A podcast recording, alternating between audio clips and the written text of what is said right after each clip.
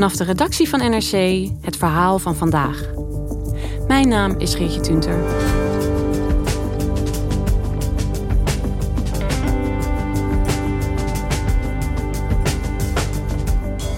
Gay chatplatform Bullchat is een site waarop je volledig anoniem met elkaar in contact kunt komen. Dat geeft veel vrijheid, maar leidt ook vaak tot schimmige praktijken. Van afpersing tot het verspreiden van kinderporno. Menno CD verdiept zich in de site en vraagt zich af: moet Bullchat gebruikers beschermen tegen kwaadwillenden?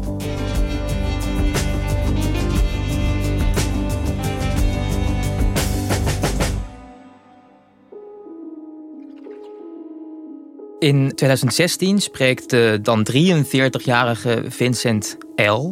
af met een uh, veel jongere jongen die hij heeft ontmoet op een online gay chatsite, Bullchat.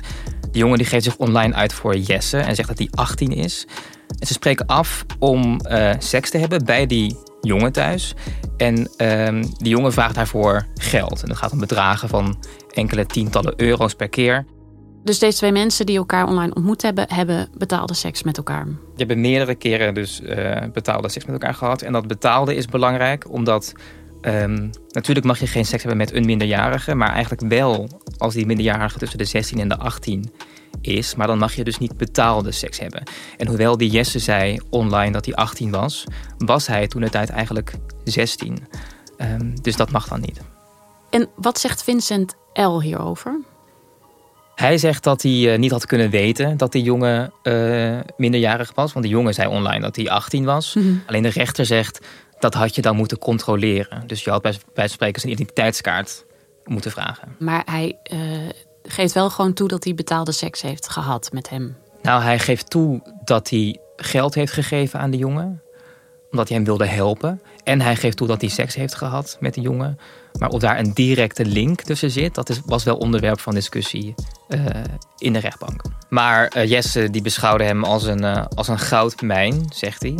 Um, en bood zichzelf echt voor seks aan op Bullchat. Ja, en deze zaak werd deze week afgerond. Vincent L. is veroordeeld tot vijf maanden cel. Nou ja, hij is dus veroordeeld, maar gaat niet jaren de gevangenis in of zo.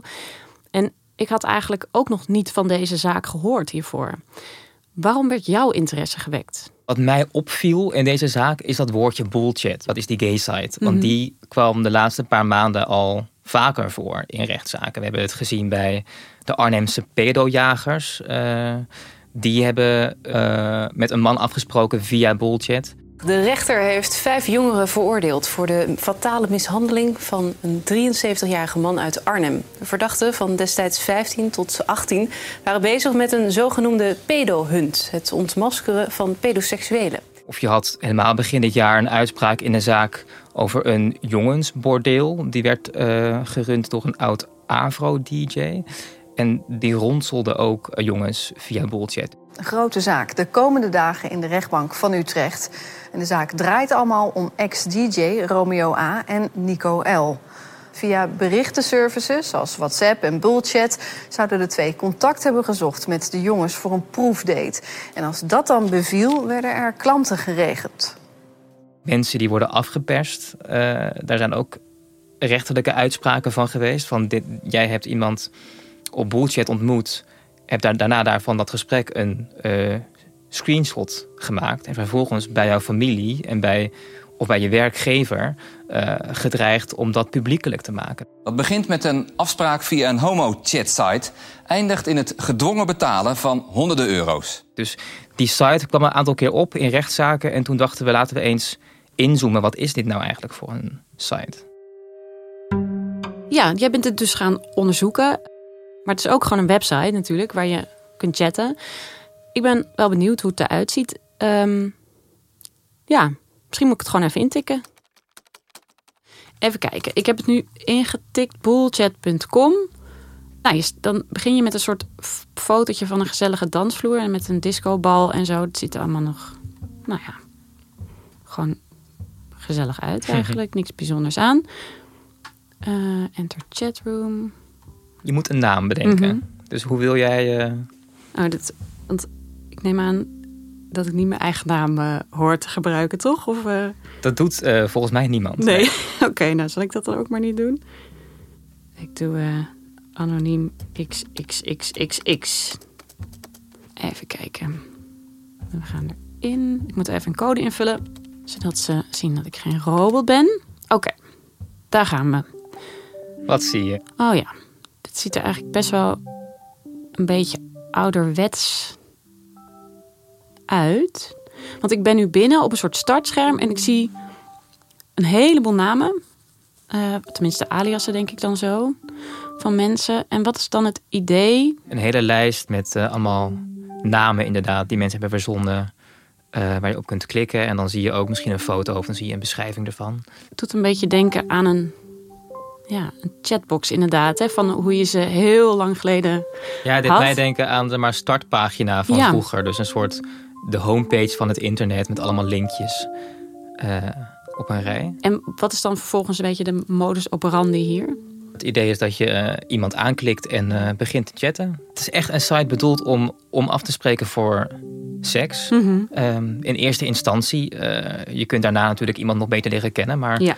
dat is wel echt de intentie, ja. Ja, dat kun je ook wel een beetje zien, hè? omdat er zoveel bloot te zien is. Ja, en die slogan is ook ehm, chat, meet, play. Weet je Mhm. Dus het, eh, ja, de intentie is eh, een seksdate. Het verschilt van een app als Grindr bijvoorbeeld. Dat is een bekende gay dating app die ook veel wordt gebruikt voor eh seksdates. Ehm, en waar Grindr een app is waar je echt een profiel moet aanmaken, ehm, is Bullchat een site waar je dus elke keer als je die site opent een nieuwe naam kunt bedenken. En Ja, zodra je die site weer sluit, eh, zijn al die gegevens weer weg. Of dat, dat beloven ze in ieder geval op hun eigen homepage ook. ja, het is dus super anoniem. Het is heel anoniem. Eh, je kunt daarom ook niet iemand eh, blokkeren of rapporteren, want ze hebben helemaal geen profiel die de volgende dag nog bestaat. Ehm, je gegevens zijn eigenlijk ook dan heel veilig, want je, zij zeggen je gegevens worden niet centraal opgeslagen, maar lokaal. Dus die worden meteen weer verwijderd zodra Mhm. jij die site sluit. Wat is eigenlijk de, de geschiedenis van Boels? Ik bedoel, waar is het voor opgericht? Was dit ook de bedoeling vanaf het begin? Ja, dat was ook mijn vraag. Waar komt deze site vandaan? Van wie is dit? Bullchat komt niet voor in, het, eh, in de bedrijven database eh, die we kunnen gebruiken. Ehm, dus ik zocht naar eh, welk bedrijf heeft dit als merknaam ooit laten, re- laten re- registreren. Dat blijkt Bull Media BV te zijn. En dat bedrijf blijkt eh, gewoon geregistreerd te staan op een woonadres in Groningen. Oké, Eh, dus het is een Nederlandse website. Het is een Nederlandse Mhm. website. Er zit ook een Nederlandse man achter. En hij heeft het bedrijf opgericht in 2005. Dat is best lang geleden. Dus het is de- hetzelfde jaar als dat YouTube bijvoorbeeld werd opgericht. Dus het komt echt uit die Ja. begintijd van de sociale media. En eh, sindsdien is, het, is er eigenlijk weinig aan veranderd. Het is een, eh, het is en blijft een site eh, om, om andere mannen te ontmoeten. Of in ieder geval aan te spreken. En echt bedoeld ook om ehm, ja, de mannen die je misschien niet op straat makkelijk tegenkomt, wel online makkelijk kunt spreken. Hoeveel mensen maken eigenlijk gebruik van Bullchat? Weten we dat? Dat is moeilijk te zeggen, omdat je dus eh, steeds een ander persoon bent als je weer die site opent. Dus je weet niet zo goed aan de hand van het aantal profielen die er dus niet zijn, hoeveel mensen hier gebruik van maken. Wordt vooral gebruikt in Nederland. Eh, en er is wel een webanalyse tool die het verkeer naar sites eh, bijhoudt. En die zegt dat het nu ongeveer 1 miljoen keer per maand wordt geopend, die site. Ja, en, en is dat veel? Het is lastig te vergelijken met, met andere dating apps die je vaak moet downloaden of waarbij je wel een profiel nodig hebt. En jij bent natuurlijk hierin gaan verdiepen, omdat Bullchat eh, nou, best vaak in het nieuws komt. Hè? En dan zijn het geen positieve verhalen, ehm, zoals die pedojacht in Arnhem noemde je.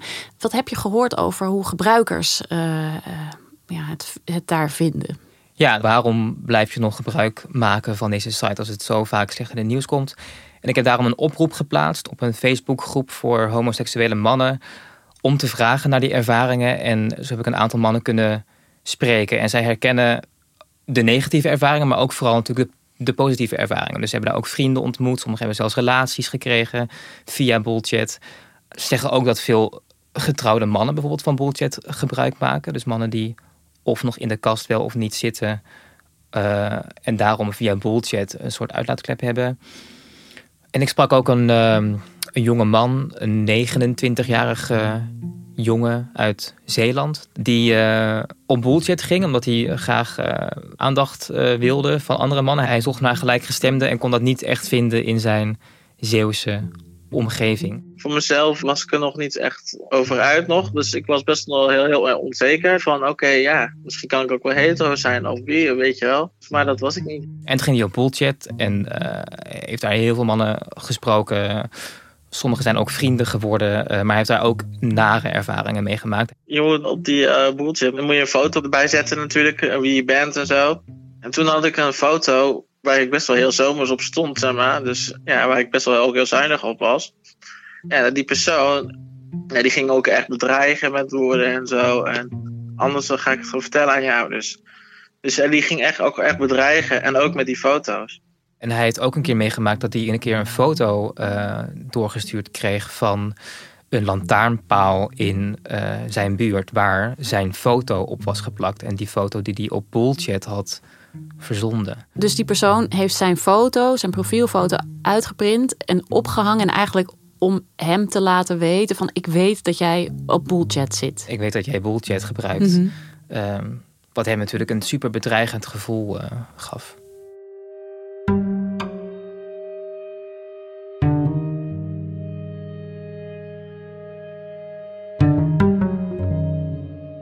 Als je dit allemaal zo op één hoop veegt, hè, van echt kinderprostitutie tot drugsverkoop tot nou ja, dit soort nare ervaringen. Um, een hele waslijst eigenlijk. Maar dat gebeurt dus allemaal uh, op een website die in Groningen gehost wordt. Ja, dus uh, bij ons om de hoek eigenlijk. Ja. Maar is het niet gek dan dat een Nederlands bedrijf dit soort in ieder geval deels illegale praktijken ja, uh, faciliteert? Ja, je vraagt je af wat, wat is de verantwoordelijkheid van die site? Um, en dat is een goede en ook wel een lastige vraag. Het is natuurlijk een vraag waar we al nu jaren mee, mee worstelen. Van hoe verantwoordelijk zijn die platforms nu zelf voor wat er op hun platform gebeurt. Ik heb die eigenaar natuurlijk proberen te bereiken. Uh, zelfs een brief nog gestuurd, uh, maar hij heeft daar niet op gereageerd. En uiteindelijk via zijn advocaat gehoord dat hij zegt... nou ja, wij zijn niet verantwoordelijk... of, wij kunnen niet weten wat de gebruiker op bullshit voor schimmigheden gaat uithalen. Ja. Maar goed, dat argument kennen we natuurlijk ook van bijvoorbeeld Facebook van vroeger. Maar dat, ja, dat lijkt toch ook niet meer helemaal van deze tijd. Precies, dus inmiddels vinden we van Facebook ook dat, mm dat hij iets moet doen tegen bijvoorbeeld nepnieuws die op hun site wordt verspreid. Of uh, er was veel te doen rondom uh, de beïnvloeding van de Amerikaanse verkiezingen. Daar moet Facebook ook iets tegen doen, vinden we met z'n allen. Dus ja, we vinden eigenlijk ook dat dating apps op zijn minst hun best moeten doen om te voorkomen dat dit soort narigheden gebeuren. Facebook has come under fire recently for its role in last year's election. Reports have surfaced showing the social networking site was a breeding ground for misinformation. Doen andere dating apps dat eigenlijk wel dan? Nemen die wel die verantwoordelijkheid? Veel meer in, in ieder geval dan Bullchat. Ik heb met de, de, het expertisecentrum voor online kindermisbruik gesproken. En zij hebben een meldpunt kinderporno bijvoorbeeld. En zij uh, kunnen, zij, zij zeggen, we hebben echt contact met een app als Grindr voor als wij een melding binnenkrijgen van iemand die een profiel heeft gerapporteerd of geblokkeerd omdat daar kinderporno mee wordt verspreid. Mm -hmm. En dus daar gebeurt echt ja, iets tegen. dan gaan ze naar Grindr toe en dan zeggen ze ja. dit profiel um, doet strafbare dingen en dan zien ze ook echt dat daarop wordt gehandeld. En met Bullchat hebben ze helemaal geen contact, terwijl het toch echt een Nederlandse site is. Dan zou je denken dat is makkelijker dan voor zo'n Amerikaanse app als, als Grindr of een Amerikaanse app als Tinder, die ook veel meer doet om zijn gebruikers te beschermen. Zo heeft Tinder nu um, de optie dat je je eigen account kunt laten verifiëren. Dus dan moet je bijvoorbeeld een selfie maken in precies de, de, de, de uh, uh, pose die zij voorstellen. En dan weten zij, oké, jij bent dezelfde persoon als die de app uh, gebruikt als die op de foto staat. Ja. En als gebruiker heb je bij Grindr en Tinder wel echt de mogelijkheid om een profiel te rapporteren of te blokkeren. Als je ziet dat iemand drugs wil gaan verkopen of als je ziet dat iemand kinderporno verspreidt, dan kan je dat profiel aangeven. En die optie die is er dus niet eens bij uh, Bullchat, want die hebben helemaal geen profielen. Er is natuurlijk wel wat ruimte voor verbetering misschien. Hè? Zijn er misschien kleine stappen te zetten om het dan in ieder geval iets veiliger te maken? Wat Boeltje zou kunnen doen bijvoorbeeld. Ja, ze kunnen uh, tools gebruiken om bijvoorbeeld kinderporno te herkennen. Die zijn er al. Ze kunnen het beginnen met dat je een profiel moet aanmaken op zo'n site met een e-mailadres, zodat je die profielen ook kunt aangeven. Ja, ben je niet meer helemaal anoniem natuurlijk? Dan ben je niet meer helemaal anoniem, maar je kunt, ja, ik, ik vraag me af of uh, dat een hele grote stap is voor veel gebruikers. Ze kunnen op zijn minst eh, informatie delen over hoe uh, chat je eigenlijk veilig. Dat doet bijvoorbeeld Grindr wel. Daar kun je echt een soort brochure downloaden van hoe kun je veilig chatten, hoe hou je jezelf veilig. Maar dat is allemaal nog niet beschikbaar. Nee. En bij Grindr en Tinder, daar blijft vast ook wel het een en ander onder de radar. Maar in ieder geval proberen ze het nog hier en daar. En uh, Bullchat lijkt dus echt het, wel het slechtste jongetje van de klas. Het ziet er naar uit dat zij uh, niks doen, in ieder geval, om dit soort zaken tegen te gaan.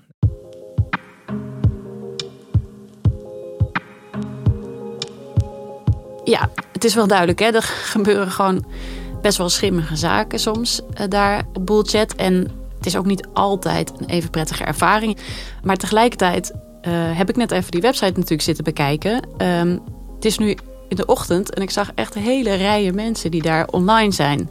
Dus, um... ja, het vervult nog steeds een behoefte natuurlijk. Ja. Dus we moeten ook niet vergeten dat het ook heel veel positieve dingen teweeg brengt, zo'n site. Ik bedoel, je geeft mensen de kans om andere mannen te ontmoeten. Zeker als je nog in de kast zit, als je nog jezelf aan het ontdekken bent... dan is het toch fijn dat je niet een, een app hoeft te downloaden... en op je telefoon hoeft te zetten als je nog bij je ouders woont. Maar dat je gewoon wel ja. Uh, op zo'n site terecht kan. Het is bekend dat homo-jongens veel vaker gebruik maken van online dating apps. Zo is er uit een onderzoek bijvoorbeeld uh, 44% van de homo- en bi-jongeren tussen de 17 en 24 heeft de laatste uh, zes maanden een keer seks gehad via een online datingplatform. Terwijl het bij de hetero-jongens slechts 6% is. Dus dan, dan zie je wel dat er bij de homo-jongens en de bi-jongens een veel grotere behoefte is om mannen te ontmoeten voor seks of voor dates. In ieder geval uh, omdat ze nog in de kast zitten en dat niet in hun eigen buurt die mensen kunnen ontmoeten. Dus ja, we moeten ook nog zeker in het achterhoofd houden dat het ook uh, niet alleen maar kommer en kwel is. Ja, dat maakt het ook een lastig onderwerp. Hè? Van aan de ene kant uh, wil je zeker jonge mensen beschermen. En aan de andere kant moeten ze ja, ook van die ruimte gebruik kunnen maken. Ja, wil je hen dat afnemen, inderdaad, ja. door die site maar zomaar te sluiten. Uh, dus wil je hen die mogelijkheid ontnemen om op hun eigen kamer anoniem andere mensen te ontmoeten. Alleen is natuurlijk dan wel de vraag in hoeverre moet dan zo'n platform zijn best doen om te voorkomen dat het ook echt fout kan gaan. Dankjewel, Menno. Graag gedaan. Je luisterde naar Vandaag, een podcast van NRC. Eén verhaal elke dag. Deze aflevering werd gemaakt door Wijke van Koolwijk, Misha Melita en JP Geersing. Dit was vandaag, morgen weer.